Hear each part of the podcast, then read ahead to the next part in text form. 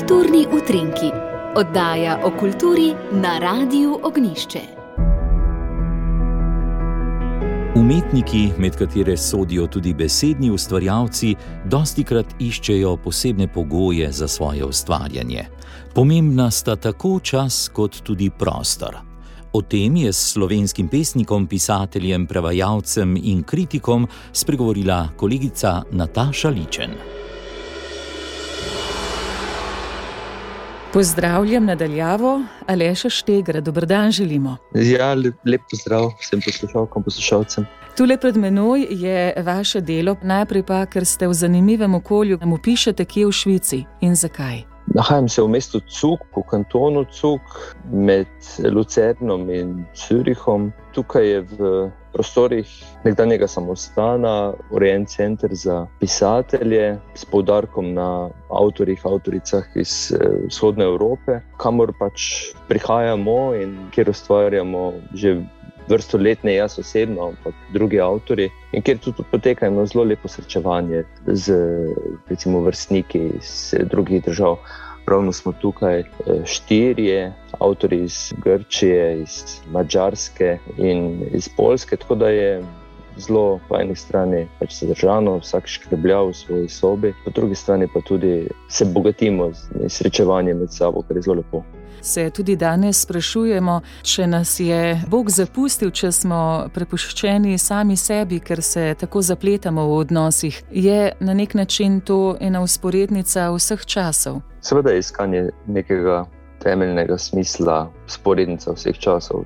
Ne moremo ne biti metafizični.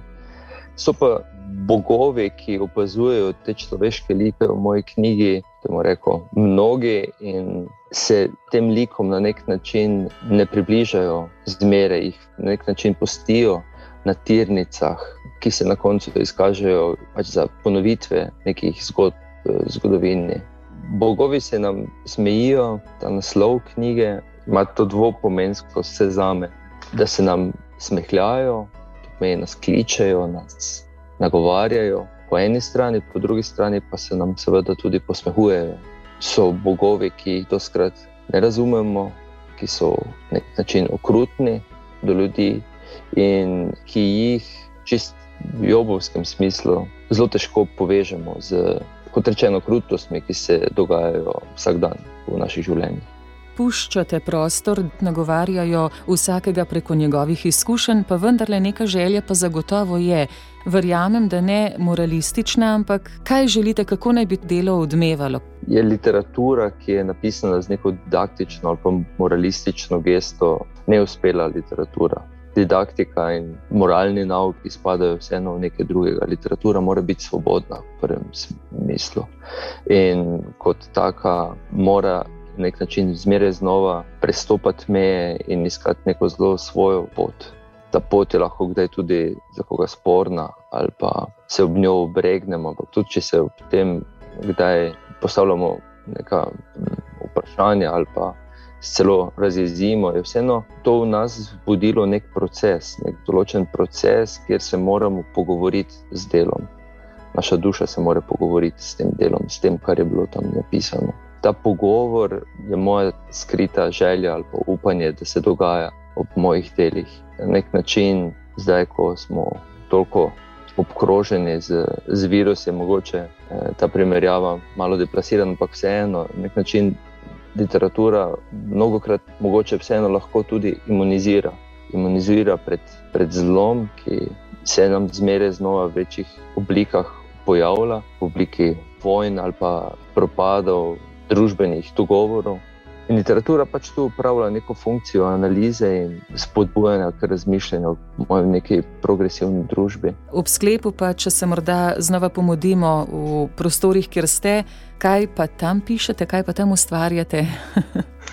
oh, veste, sem zelo vraževeren in ne rad govorim o tem, kar nastaja, ker se mi zdi, da. Kako hitro je stvar izgovorjena, dobi neko trdnost, ki si jo v bistvu med pisanjem človek ne želi, zato ker mora vse biti v premikanju, v nenehnem pretakanju. Sem pa pred kratkim dokončal pesniško zbirko, ki bo tudi jeseni išla, Svet je vmes, je naslov.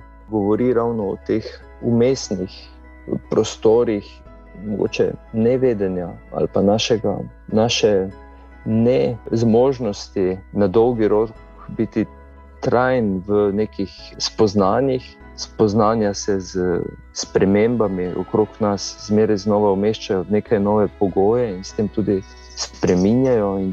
Mi moramo iskati prave lege nas v svetu in, in sveta v nas, in svet je v tem smislu zelo pogosto vmes. Naj bo zelo vitalen pretok misli tam, kjer ste. Hvala za ta pogovor. Najlepša hvala za vprašanje, gospod Nataša. Srečno vsem poslušalkam in poslušalcem.